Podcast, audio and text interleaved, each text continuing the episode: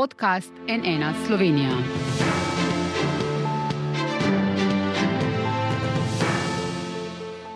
Dobro dan, to je NN studio. Kakšno leto se izteka? Namesto da bi se razmere v svetu umirjale, smo dobili še eno vojno. Gaza je postala najnevarnejši kraj za otroke na svetu. Zaradi dogajanja v Ukrajini in potes Rusije je celo Nemčija začela svariti pred širšo vojno. Kaj pa Slovenija, ki je ravno v teh dneh opravila z letnim posvetom diplomacije in bo s 1. januarjem sedla za mizo Varnostnega sveta Združenih narodov kot nestalna članica? Ali lahko karkoli doseže, kaj vse nas še čaka v svetu v novem letu, kje pretijo nove nevarnosti? V studiu prav lepo pozdravljam današnjega gosta. Z mano je svetovalec predsednice Republike za mednarodne odnose, sicer profesor, dolgoletni profesor z tega področja, dr. Zlatko Šabič. Dobro dan, dobrodošli na NN. Hvala lepa, dobro dan.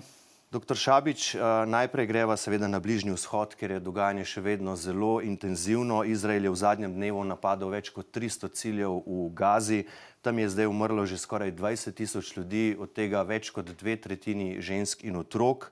90 odstotkov prebivalcev enklave je razseljenih. Kot rečeno, Združeni narodi pravijo, da je to za otroke najnevarnejši kraj na svetu, pa še za koga, verjetno eh, po terorističnem napadu Hamasa, v katerem je umrlo okoli 1200 ljudi, je v Gazi še vedno tudi 129 izraelskih talcev. Pogajanja o izpustitvi še vedno potekajo, se nadaljujejo tudi danes, ko to snemava. V varnostnem svetu za zdaj še ni soglasja o najnovejši resoluciji za prekinitev spopadov za več humanitarne pomoči Izrael prejema vse več opozoril tudi od največjih zaveznic. Kje smo torej trenutno, dr. Šabič? Mislim, da trenutno še vedno v situaciji, kjer uh, ima Izrael uh, dovolj podpore, da lahko še naprej uh, poskuša valjati svoje sile, če hočete, da še vedno lahko toče po gazi. Uh -huh. uh, enostavno uh, je ta uh, obrambni refleks, uh, ki ga je seveda najbolj čutiti potem v Združenih državah Amerike, ki je nedvomno torej največja zaveznica Izraela.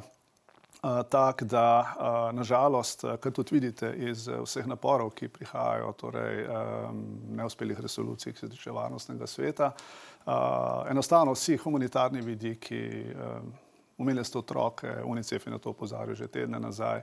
Um, čist preprosto človeku dostojanstvo v tem trenutku ne igra nobene vloge in uh, mislim, da vsaka država, ki da nekaj na, um, na bom rekel, humanitarni, humanitarno katastrofo, ki se tam dogaja, ki da nekaj na čisto človeški uh, um, odnos do ljudi, ki so praktično uh, nemočni, uh, in seveda, seveda to mora obsojati.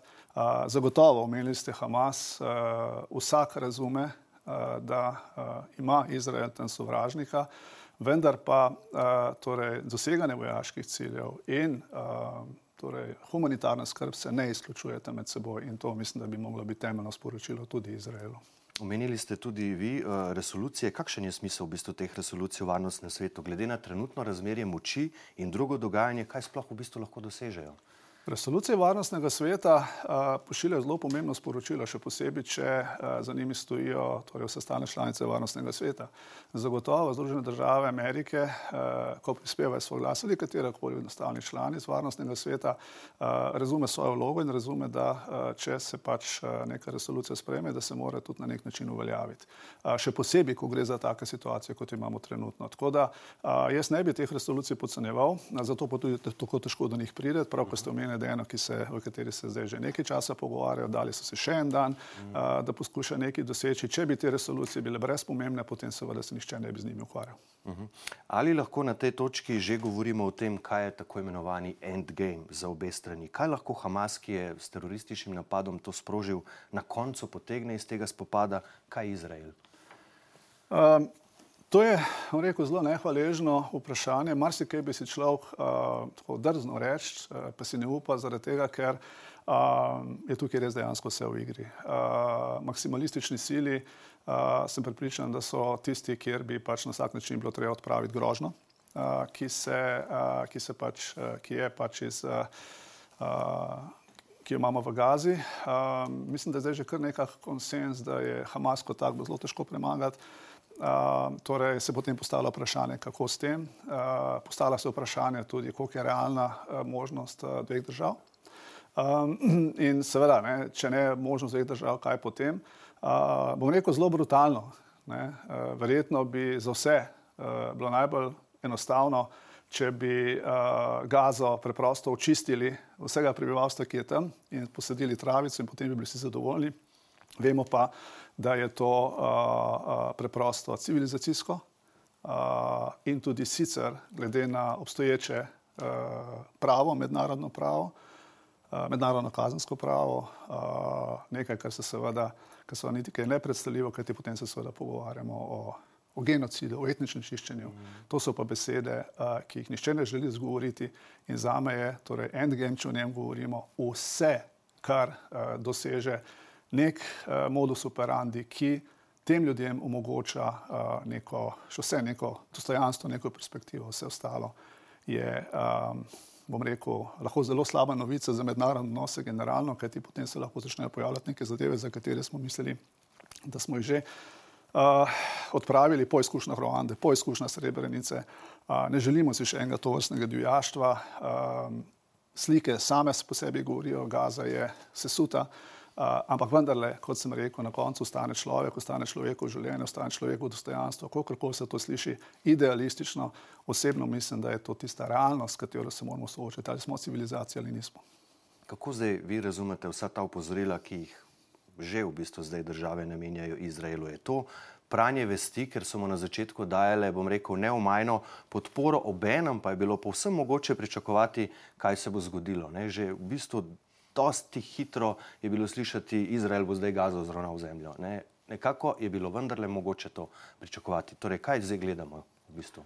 Um, zdaj, tukaj treba ločiti države. Zdaj, Slovenija, kot ste videli, od prvega refleksa, ki je bil zelo prvi, ne, da se pač Izrael ima pravico braniti in da je to praktično uh, 11. september za Izrael in da je Hamas uh, teroristična organizacija in tako naprej. Uh, je zelo hitro, zelo hitro, v Sloveniji se je to zelo hitro zgodilo, bila potegnjena, bomo rekel, ročna zavora in da ima najprej razmišljati o tem, da se obe strani vzdržita uh, spopadov, zaradi tega, ker mora biti v sprejedu civilno prebivalstvo. Torej, um, zdaj, pri ostalih državah, uh, jaz mislim, da torej, ni seveda uh, nobena skrivnost, uh, da so to, recimo, če vzamemo Nemčijo, da je pač ta refleks bil, uh, zgodovine je bil zelo močen uh, in ta refleks se mi zdi, da je zelo uh, zamegljiv tisto, čemu je Guterres rekel, ta širši kontekst, zaradi česar je bil tudi uh, sredi, v bistvu praktično ozena grozovito napaden strani mm. izraelskega veleposlanika.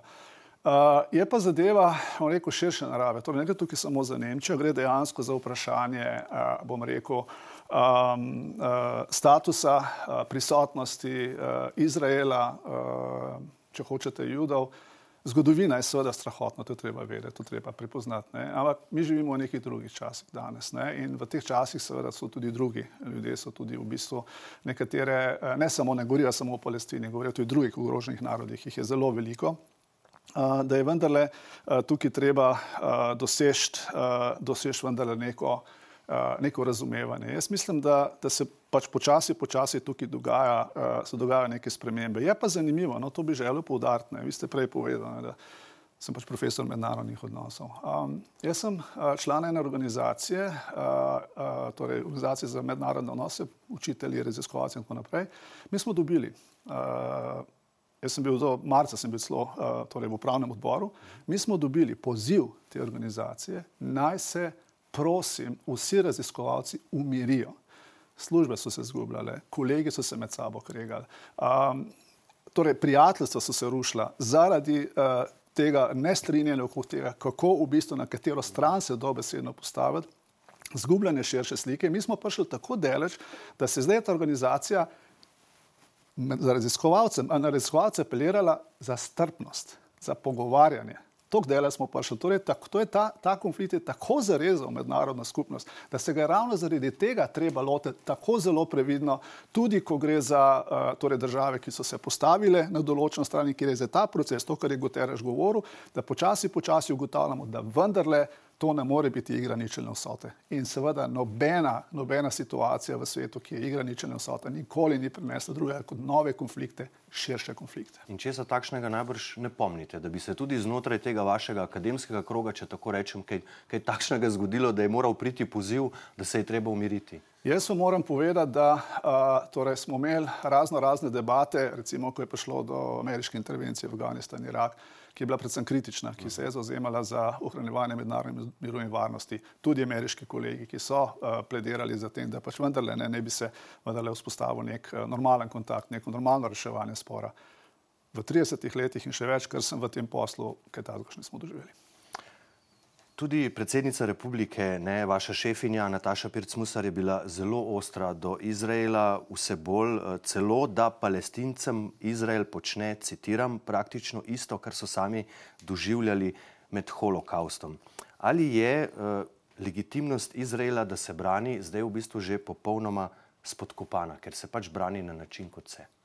Um, torej ne, jaz mislim, da tista stvar, ki se mi zdi, da je bolj, uh, da je tukaj le mogoče treba kvalificirati to v tem kontekstu, da seveda, uh, torej vse to so seveda domneve, ne? mi ne moramo vedeti, kaj se dogaja dol. Ne? Torej ne moramo, hočem povedati drugače, se pravi, zato imamo kazen, zato imamo sodišča in preslej se bodo te stvari morale pojaviti pri sodišču. Jaz mislim, da bodo preslej ljudje, ki poče, počenjajo te stvari, morali odgovarjati. Uh -huh. uh, Tam so se zgodili, tam se dogajajo zločini. Torej, domnevajo, da se tam dogajajo zločini na obeh straneh. In te zločini, kot sem rekel, to je preprosto, ne, to je, to je preprosto nima, uh, torej nima nobene, nobenega upravičila. Uh, tako da uh, v tem smislu ne, uh, se mi zdi, da um, bo, je to na nek način v bistvu izziv uh, tudi za mednarodno pravo, uh, ki mora uh, dati uh, uh, odgovor na vprašanje, kaj pravzaprav je zdaj drugače od tega, kar se je dogajalo v drugi svetovni vojni. Zdaj, holokaust. Ne, uh, ko, uh, tukaj moram reči uh, zelo iskreno, da seveda ne, je zelo težko. Bom rekel, primerjati holokaust, če vemo, kaj se v tistem času dogajalo. Jaz sem bil v Avšvicu, bil sem v Birkenau in moram reči, da uh, torej, človeka presune, ko vidi, kakšne zločine so se tam dogajali. Uh, jaz nisem bil v življenju, nisem bil v Gazi. Ne znam si pa predstavljati, da sem tam, da imam družino, da imam otroke in da mi jih uh, dobesedno ne vem, če bo jutri še živi, da se sam bojim za svoje življenje. Zdaj, A veste, ne, uh, kar lahko rečemo, je seveda to, da, uh, torej, ko rečemo primerljivo, če hočete, ne, gre v bistvu res, da je ta strah za življenje, strah, kaj se bo zgodilo, vidiš, da v resnici nimaš izhoda. Jaz mislim, da je to neka nemogoča situacija. Jaz si ne znam predstavljati, ne vem, če bi se zdaj recimo pojavil, uh, da so vse umiri trenutno v Gazi. Pa da grem recimo jaz, tako kot sem šel v Avšvic v Birkenau, jaz po mojem bi imel ravno tako eno, eno tesnobo uh, nemoči uh, in zgrožne, kaj se pravzaprav lahko človek spomni. Jaz sem imel isti občutek, ko sem bil v potočarih. A veste, to je, pa nekdo reče, še vedno so debate o to, bil genocid ali ne. Ko je človek tam ne, in ko se ti srečaš z ljudmi, mladimi ljudmi, ki jokajo, ko vidijo, kaj se tam dogaja, ljudje, ki nimajo nič s tem, vidiš v bistvu, o čem se mi tukaj, se mi tukaj pogovarjamo. Rwanda, 800 tisoč ljudi. A veste, to je, to je že pol kar nekako ta ideja ne, uh, primerjave s holokaustom zgubi, se zbledi, tega, ker se vedno pogovarjamo o človeških usodah, o ljudeh, ki nimajo, nimajo nadzora nad tem, ker so ljudje, ki so preganjeni, ljudje, ki, ki, ki uh, enostavno nimajo nobene. Uh, Ki jim je življenje praktično vsak dan, vsako minuto, vsak trenutek ogroženo in se lahko seveda uh, prekine. To, jaz si ne znam, kot rečeno, ne znam tega predstavljati, Bil sem na vseh teh krajih, videl sem, kako to je in um, moram reči, z tega vidika simpatiziram z vsakim, ki tudi uh, nekako poskuša potegniti paralele, čeprav, to bi se super utrditi, niso to, bom rekel, čiste paralele. Tisto, kar jih združuje, je ta strah, je ta uh, nemoč, je ta obup, uh, kjer v bistvu se marsikdo teh otrok, o katerih ste govorili v Gazi, tudi marsikaterih uh, mož, žena in tako naprej, se v bistvu, po mojem mnenju, globoko prepričan sprašuje, kaj sem naredil da se mi to dogaja. Uh -huh. uh, veliko opozoril se tudi pojavlja, da bi se lahko zdaj ta spopad uh, širil. Kam in od česa je to odvisno? Verjetno uh, je največ oči uperjenih v Libanon, kjer se pač tudi, bom rekel, sporadično stvari dogajajo. Um, torej, ja, zdaj, seveda, ne, uh, jaz mislim, da, se, da je temeljni uh, cilj vseh akterjev, zato se tudi poskuša uh, najti nek, uh, nek način, kako izpogajati uh, nek Zdaj, le recimo konkretno pri tej resoluciji, seveda glavna stvar, ki se, ki, na kateri se dela, je torej, ali na kakršen koli način poskušati zaustaviti ta konflikt z nekim dogovorom, karkoli. Ne? Tako kot je bilo recimo vprašanje tiste humanitarne, uh -huh. humanitarnega premora. Ne? Nekaj skratka, da se, da, torej, da se te strani postavijo, torej, da se jih da v bistvu za, za, za, za, za zeleno, za okroglo mizo, če hočete. Um, Vsaka taka, zdaj pri Izraelu, ne, seveda neki, ne, um, obstaja ena, ena, ena, ena, en rek, uh, ki pravi, da Izrael ne sme izgubiti vojne. Ker ti moment, ko Izrael izgubi vojno, bo izgubil vse ostalo, oziroma bo, ne bo imel več nadzora nad, nad svojo usodo. Uh, recimo, da je to treba, verjetno to treba tudi razumeti, ko smo že prej govorili, zgodovina govori svoje. Ne? Ampak vendarle, ne? to ne pomeni, da lahko potem za to, da ščitiš sebe, v bistvu pobiješ vse posod okrog. In seveda, zdaj, če je temu tako, ne? če se mi okrog tega strinjamo, potem seveda treba zelo hitro dati signal, da to ne more biti nekaj, kar se bo širilo. Zaradi tega, ker potem se seveda lahko tudi porušijo nekatere druge meje. Jaz se niti ne znam predstavljati, kam v sebi se lahko ta konflikt širi, sploh glede na to, da ima Izrael zdaj v tem trenutku relativno, bomo rekel, komfortno zono pri arabskih državah, ne zaradi recimo abrahamskih sporazumov. Ne. Ampak veste, na neki točki, a, če bi se to seveda širilo, ne, ne glede na to, da se lahko pogovarjamo o katerih tipa Iran, recimo, ne, a, je seveda, a, po mojem mnenju, ne, a, na neki točki seveda lahko a, stvar poči, zaradi tega, ker a, m, potem se seveda, kot sem rekel, potem se seveda vključijo lahko še a, druge sile. To seveda bo bi šlo tudi potem na mlin, mlin na vodo, recimo neki Rusiji. A, ZDA, jaz sem pripričan, da ZDA so ta prvi, ki seveda to niso zainteresirani. Zakaj? ZDA so uh, zaposlene v, uh, v Evropi zaradi Ukrajine, so zaposlene v jugovzhodni Aziji zaradi uh, Kitajske oziroma Tajvana. Uh, doma imajo ekonomsko krizo, naslednje leto volite. ZDA so blazno zaposlene in zadnja stvar na tem planetu, ki se želijo, je to verjetno, da se jim odpre še ena fronta tukaj. Torej, če kdo bi mogel biti tudi ZDA blazno zainteresiran in jaz se iskreno upam, da tudi, ko se torej dogaja, ko se odvijajo te resolucije, da jim je to jasno in da vedo, da si preprosto širitve uh, konflikta izven tega, kar v tem trenutku uh, imamo, ne, ne morejo pravoščati. Če greva zdaj k Ukrajini, eh, protiofenziva ni v bistvu prinesla nekih vidnih rezultatov, tudi tu podpora Zahoda ni več tako neomajna, obenem pa poslušamo tudi nemškega obramnega ministra Borisa Pistoriusa, da je lahko do konca desetletja Evropa tudi v vojni. Pomislite, Nemčija pošilja vojake v Litvo, prvič ven iz države po koncu druge svetovne vojne. Eh, kaj se pa v Evropi trenutno dogaja? Nam res preti neka širša vojna kot stvari Nemčije, vendar tisto, kar prihaja od tam, uh, bi moralo zanimati vse nas. Um, moja interpretacija te izjave je, uh, je naslednja: noč noga, uh, zaradi tega, ker se o tem govori že nekaj časa. Uh, pregrave se recimo v akademski literaturi, se pregravijo recimo uh, uh, scenariji, po kateri se recimo sprašuje, ne, ali je recimo problem, pa nisem obroboslov, sem pa ta stvar recimo se mi tako zanimiva, ali recimo je kompatibilnost uh, uh, vojaških sil v Evropi, ne? nizozemska, nemška, francoska in tako naprej, taka, recimo, da dejansko lahko na nek način se dejansko postavi kot celota, recimo eh, na vzven čisto naravne oborožitve. Uh -huh. Prvič, drugič uh, je uh, uh, treba vedeti še en pomemben faktor. Donald Trump v prvi rundi je zelo jasno vedeti, ko je bil prvič predsednik, njega da NATO ni zanimalo, v bistvu njega Evropa ni zanimala. In jaz gledam to vprašanje, to, to politiko, ki jo trenutno vodi Nemčija, izključno v tem kontekstu. Ali je Evropa pripravljena braniti svoje meje in meje svojih zaveznikov, tudi če ZDA niso vključene?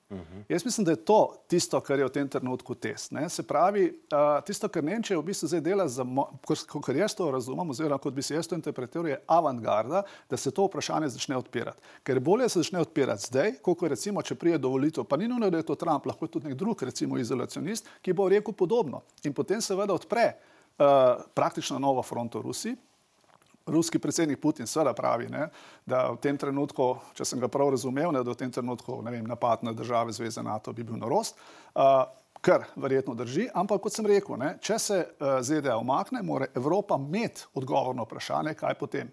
In zdaj tisto, kar mene skrbi, je seveda, če je Evropa, Evropska unija res tako kompaktna, da je na to pripravljena. kar pa pomeni seveda potem, da tukaj ne gre samo za vprašanje vem, baskih držav, gre v bistvu samo za vprašanje odpiranja fronte naprej. In, in jaz moram reči, da tukaj, tukaj bi pa, uh, tako z tega vidika, no bom tako rekel, je meni uh, osebno ta nemški korak bolj uh, en uh, uvod v uh, razpravo, uh, ki bo potekala, verjetno, stran od medijev, verjetno že tudi že poteka, scenarij, kako se lahko Evropa postavi v bran uh, Ukrajini ali kakršnemu koli drugemu konfliktu in na ta način da sporočilo uh, Ruski federaciji, da je pripravljena. Uh, to se mi zdi pa zelo pomembno. Tako da Ne, uh, ni to, še enkrat podarjam, ni meni to, recimo v tem trenutku uh, šokantno, da se je to neka Nemčija odločila. Uh -huh. Sporočilo, ki ga pošilja, se mi pa zdo, se mi zdi zelo povedno.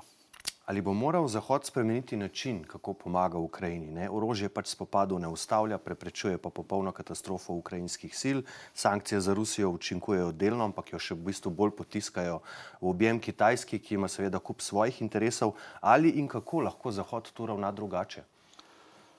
Um, tukaj seveda imamo, vam rekel, dve struji, uh, tudi v Sloveniji, če hočete. Ne? Ena struja, ki ustraja na tem, da je treba Ukrajini pomagati, da je Ukrajina tista, ki se bo odločila, da je vojna konec. Uh, Ukrajina trenutno ustraja na tem, da je ta rešitev lahko samo vojaška. Uh, in pa druga struja, ki uh, pravi, da je treba pač priznati neke realnosti. Ki so take, da je pač treba nekako dati Rusiji tisto, kar je pač ne, dobila ne, in priborila, če hočete, na vojaškem polju in na ta način ustvarjati mir. Zdaj, moje stališče je, tukaj zelo jasno. Ne. Se pravi, vedno znova ne, pomislim na zgodovino Slovenije. Uh -huh. uh, rad bi vprašal kogarkoli v slovenski javnosti, uh, kaj bi se zgodilo, če bi v tem trenutku neka država sosedna okupirala četrt naše države. Mi bi ravno tako iskali podporo do zunaj, ravno tako bi hodili na krog, prosili za razumevanje, rotili, da nam nekdo pomaga. Uh, in zdaj, če je temu tako, ne, zakaj v resnici uh, odrekamo Ukrajini, da se brani? Tako da uh, rešitev, uh, uh, kakršna koli že bo, tukaj pa moramo biti odprti, uh, je, da se Ukrajini pomaga uh, do točke, ko pač Ukrajina sama nekako pride do uh, odločitve, kaj bo naredila. Rusija, uh, ena stvar je dejstvo, ne, jaz si ne znam predstavljati, kako bi lahko uh, Rusijo vojaško uh, premagali. Um, in uh, uh, mislim, da to zgodilo že večkrat pokazano. Um, To se mogoče sliši zelo kontradiktorno, ampak zato sem rekel, zato so pogajanja, zato so rešitve, ki so včasih rešitve čist izven uh, naših, uh, bom rekel, črno-belih predstav, nekaj čist drugačnega potegnjeno iz, uh, bom rekel, škatle. In uh, to so pač uh, stvari, ki morajo biti dane na mizo. Vedno pravijo, da tako tudi, če so pogajanja, to niso pogajanja, torej, ki bi nekoga potisnili kot, niso nujno, da so tudi vsi zadovoljni, ampak vendarle, uh, kot sem rekel, ne, uh, tukaj imamo v bistvu uh, po eni strani Ukrajino, ki uh, tri stvari imamo. Ukrajino, ki se seveda ima pravico, da se brani in gre za njene teritorije. Druga stvar je mednarodno pravo, to mora tudi Slovenija zelo zanimati. Torej, tisti moment, ko uh, torej gre uh, in to članica varnostnega sveta, stalna članica varnostnega sveta, ko v bistvu gre dobesedno sesuvati meje druge države, kaj to seveda sporoča? Mi imamo samo v Evropi, samo v Evropi kupenih držav ali pa kupenih, uh, bom rekel, tenzij, kjer bi se nekateri, torej nekatere države, nekateri akteri z rade volje malo spremenili meje. Populizem, nacionalizem, radikalizem. In seveda, če ti veš, da to uspe Rusi, zakaj ne bi uspelo tudi nam? Že to je za nas zelo pomembno sporočilo, da mi kot država, mi kot Evropska unija stojimo za mednarodnim pravom, stojimo za mejami, ki v tem trenutku jih imamo. No in tretje, kot sem rekel, je dejansko v bistvu potem, če že prije do nekih pogovorov, dogovorov, a, da so te pa stvar pogajanj, kjer je Ukrajina seveda enakopraven član in ker Ukrajina v končni fazi podpiše karkoli bi že hotela podpisati. Govorila sva februarja lani, ko je Rusija sprožila to ofenzivo na Ukrajino. Imeli smo veliko sogovornikov, vi ste bili zadnji med njimi. Bom rekel, tako za zaključek dneva smo vas poprosili za analizo in takrat ste rekli, Putin je mednarodno politiko premaknil v 19. stoletje. Kje pa danes mednarodna politika? Še v 19. stoletju ali je bila premaknjena še kaj nazaj? Absolutno. Uh, uh, kar se mene tiče, smo mi globoko, globoko uh, uh, stran od tistega, kar uh, deklariramo kot uh, mednarodna skupnost, ki se ima za civilizirano. Mi imamo na eni strani uh, seveda uh, torej veliko uh, sprejetih, ratificiranih dokumentov, vezanih na uh, varovanje človekovih pravic in podobno, veliko dokumentov, ki se seveda še vedno uh, torej naslavljajo stvari, kot so recimo podnebne spremembe in tako naprej, seveda ne, torej nedotakljivost meja in tako naprej. Države, kot se obnašajo v tem trenutku, kar to mi vidimo, seveda je spominja na dejansko na neke, na neke čase, za katere smo mislili, da jih bo konec. Ali pa tudi ne. Povdaril sem prej, ne? človek si ne bi mislil, da bo, ne vem, 94. prišlo do Ruande, človek si ne bi mislil, da bo prišlo do grozovitih načinov pobijanja ljudi v Srebrenici. Človek si ne bi mislil, da je možno na tak način nediskriminatorno pobijati ljudi v Gazi. Pa smo imeli samo tri teh konfliktov, ki jih se sploh ne pogovarjamo, Demokratična republika Kongo svoje čase, torej milijoni. Hočem povedati, da to, to seveda je, ne? ampak Tisto, kar, uh, kar se mi zdi, da je zdaj v tem trenutku še toliko bolj pomembno, je sklicevanje, zagovorništvo na mednarodno pravo, na norme, ustrajanje tudi pri državah, kot so vem, Združene države Amerike, tudi pri, uh, uh, ne vem, če hočete, Kitajski in ostalih.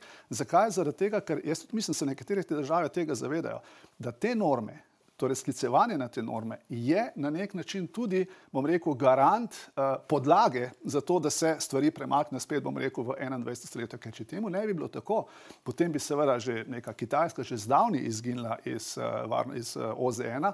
Uh, bi še celo, če pogledate, celo nek OVSE, ki je nefunkcionalna organizacija, ki zgleda, zdaj, kot veste, ne, pred novembra, ne, konvencija o, uh, o, torej, o um, um, pogodba o konvencionalnem oboroževanju, torej, ki je bila podpisana med uh, Sovjetsko zvezo in Rusko federacijo in državami uh, članicami zveze NATO, je razpadla uh, novembra. Se pravi, ena taka zelo pomembna pogodba za ohranjevanje ravnovesja, ko se, ko se pogovarjamo o konvencionalnem oboroževanju, je pač razpadla in kljub temu OVSE še vedno obstaja.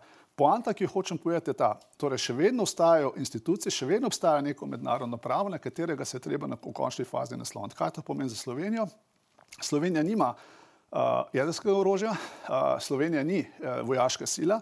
Tisto, kar Slovenija ima, je zagovorništvo, je zagovarjanje vrednot, je, uh, so torej uh, zagovarjanje mednarodnega prava, uh, človekove pravice, to je naše urodje. Urodje in orožje. In jaz mislim, da bo tudi, ne, niso še omenila tega, ampak se mi zdi, da je zelo pomembno, ne, tudi v varnostnem svetu v tem kontekstu lahko Slovenija naredi v bistvu zelo veliko. In to je bilo prav moje naslednje vprašanje. Lepo ste me uvedli v to, torej velika odgovorna naloga za slovensko diplomacijo. S 1. januarjem Slovenija zasede ta sedež nestalne članice v varnostnem svetu. Predsednica Pirc Musar in ministrica Fojon povdarjata, da Slovenija nikomor ni nič dolžna, da je lahko zato neutralna in vezni člen pri marsičem. Kje konkretno lahko dejansko naša država uh, kaj doseže in kako? Uh, torej, kar se tiče uh, najprej tega, če se tole vrnemo, seveda Slovenija uh, uh, v bistvu je dolžna 153 državam članicam, ki so jo, podpr podprle. Ne. Pa tudi članica EU in NATO je, ne? ni tako, da je no, tam še prideva. Tam še prideva. Tam še, no, tam še prideva. Torej, kar se tiče tega, torej, to je njena konstituenca. Teh 153 držav in s tem seveda celotno članstvo. Uh, Slovenija seveda tudi nima kolonialne preteklosti, kar je zelo pomemben dejavnik in ki je tudi dejavnik, za katerega sem pripričan, da je igral pomembno vlogo v tej kampanji. Uh, Slovenija je članica Zveze NATO, Slovenija je, Slovenija je članica Zveze eh, Evropske unije, ampak Tam je v bistvu v OZN članica, varnost, nestalna članica varnostnega sveta. Tam v resnici ona seveda je še vedno lahko pripadna normam in vrednotam, ki obstajajo v Evropski uniji, normam in vrednotam, ki obstajajo v Zvezi NATO, ne more biti pa njihov agent. Jaz mislim, da je to tisto, kar tudi ostale države pričakujejo. A veste, mi se tukaj, če govorijo o podnebnih spremembah, 25 odstotkov celotnega prebivalstva so male otoške države. S tem se mora mogla Slovenija ukvarjati. Tudi če pogledamo prioritete, recimo podnebje je zelo pomembno. Potem recimo, ne vem, ne, imela bo neke določene dosjeje, s katerimi se bo, s katerimi se bo pozabavala. Torej, te dosjeje seveda ne posluša samo, bom rekel, svoje konstituence tukaj v Evropi, ampak seveda posluša tudi interese drugih. Eh, ministrica Fajon je rekla, ne enkrat, je rekla, da bo Slovenija poslušala vse države. Jaz mislim, da je to prava pot in mislim tudi, če se bo to potem v praksi pokazalo, da zna se zgoditi, bom rekel teoretično, da bo takšna članica Evropske unije uh, vihala nos, uh, dokler Slovenija pošteno upravlja svojo nalogo, v kateri jo skrbi uh, mir, stabilnost mednarodne skupnosti celega sveta. In še enkrat podarjam, vsak zdaj govori, torej 50 plus konfliktov imamo po celem svetu, potem seveda bo Slovenija upravljala svojo nalogo. Tako da večkrat slišim, ne, da bo Slovenija tam nek, uh, bom rekel, nek uh, psiček Amerike, pa Zveza NATO, pa tako naprej. Jaz, jaz upam, verjamem, no, da temu ne bo tako, ker se mi zdi, da to pa je ta slovenska diplomacija samozavestna. Uh, gledam tudi recimo uh, pač, um, ekipo, ki, je, ki, ki bo delala ta varnostni svet. Veliko tudi mladih diplomatov, uh, mislim, da so to vse ljudje, ki so super samozavestni, govorijo jezike, uh, jasni so mednarodni odnosi. In moram reči, da uh, s tem se pa seveda tudi potem, veste, ta, uh, ta brainstorming, ne, torej razmišljanje o kako reševati določene probleme, primerno porazdeli na veliko kvalitete. Uh, jaz moram reči, da sem, kar, da sem kar pozitiven, da ko bomo mi delali, pa me lahko tudi tam pol citirate, če bomo še takrat govorila, mislim, da bomo mi po dveh letih v bistvu uh, kar dobro delo upravili. In eh, bili ste v bistvu zdaj vse tri dni tudi na Brdu, na letnem posvetu slovenske diplomacije. Glede na to, kar ste tam slišali, videli, vas to tudi verjetno navdaja z nekim optimizmom, da je Slovenija na to odgovorno nalogo pripravljena, da vsi vedo, kako morajo ravnati, kako govoriti in kaj delati. No, temeljno, sporočilo, uh, temeljno sporočilo tam je bilo v bistvu, no, če sta bile dve. No. Temeljno sporočilo uh, je bilo to, da, uh, oziroma tisto, kar je bil tudi moj vtis, ne, da je, da diplomatki in diplomati razumejo. Uh, zakaj gre? Uh, jaz sem tudi imel občutek, da uh, je uh, en tak, bom rekel, vzpostavljen nek tak, bom rekel, team spirit, no? uh, torej nek tak timski duh. Uh, tako da tukaj, uh, tukaj bi bil zelo presenečen, če temu ne bi bilo tako. Tudi struktura je tako postavljena, da se mi zdi, da bodo te komunikacijski kanali, ne, uh, če bo recimo kakšna zadeva, ki bo bolj aktualna za ne vem, nek določeno diplomatsko kulturno predstavništvo, da bo tam pač bolj aktivno. Uh, no in uh, tako da tukaj se mi zdi, no, jaz sem res to začutil. No. Tudi uh, ministrica Fajon se mi zdi, da je uh, postavila no, uh, zadeve uh, na tak način. Pravzaprav moram biti zelo pošten. No. Vsi, ki so, ki so nastopili, pomeni moja šefica, kot ste rekel, uh, torej predsednica državnega zbora, predsednik vlade, ministrica. Uh, ena stvar, ki je dobra v tej naši zonalni politiki, trenutno je, da dejansko je usklajena, je soglasna, je usmerjena v pravo smer uh, in to je, se mi zdi, dosti redko. No. Za konec, profesor Šabič. Kako optimistični ste v bistvu za svet v letu 2024, kje naj bo fokus mednarodne skupnosti in kje so morda največje nevarnosti? Um, jaz uh, moram reči, da uh, težko, torej, moram reči, da bi se lagal, če bi rekel, da sem optimist. Uh -huh. uh, Rekel bi, da sem bolj realisten. Jaz mislim, da je prehod, da je to leto 24, tudi zelo le, to je eno tako leto obletnic, ne, tudi za Slovenijo. Uh, in, 20 let že, odkar smo v EU. Ne. Naprimer, ne, človek ne bi verjel, da to hitro teče čas, uh, ampak leto obletnic uh, in jaz mislim, da, uh, torej, ko rečem realist, Sprav, ne optimist, ne, ker se da težko je zdaj vedeti, ne, tudi kako bomo določene stvari nadzorovali. Vi veste, da je praktično pol planeta naslednje leto v volitvah. Uh, vi veste, da seveda je tole izjemna priložnost za uh, ljudi, ki želijo zlorabljati umetno inteligenco, dezinformacije. Tako da z tega vidika moram reči, da mi je malo, nam rekel, strah, pa sem previden. Uh, če bomo to preveslali uh, in se bo pač nekako ta stabilnost v mednarodni skupnosti skozi volitve pokazala, da bomo tukaj dobili prava sporočila, potem, uh, potem bo, če bo govorila naslednje leto, potem bo verjetno več bolj optimistična. Ampak v tem kontekstu pa je uh, to leto, uh, ki se nam, ki, ki pač, ki se nam približuje, dejansko zelo, um, uh, torej, zelo problematično, seveda problematično, pod velikim vprašanjem, kako se bodo razvijale te volitve. Drugač pa uh, optimističen, seveda glede uh, tisto, kar me resno daje z optimizmom, čeprav se vam bo to zdelo mogoče bom kar rekel, noro, ampak vendarle ne računam, da bodo naši, prišli, naši nogometaši prišli skozi kvalifikacijsko skupino, da bodo premagali Angleže, Nemce, oziroma Angleže, Dance, pa Srbe. Tako da uh, to, uh, ostalo bomo pa videli.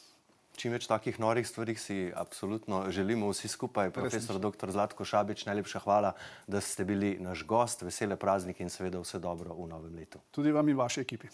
Hvala lepa. Hvala pa tudi vam za vašo pozornost. Seveda eh, tudi iz tega studia in iz uredništva NN vam želimo prav vesel Božič in eh, vesel vstop in srečno in uspešno leto 2024. Spremljajte nas še naprej na nn.info.si. Seveda bomo z vami tudi vse te praznične dni. Iz studija pa le še lepo zdrav in nasvidenje.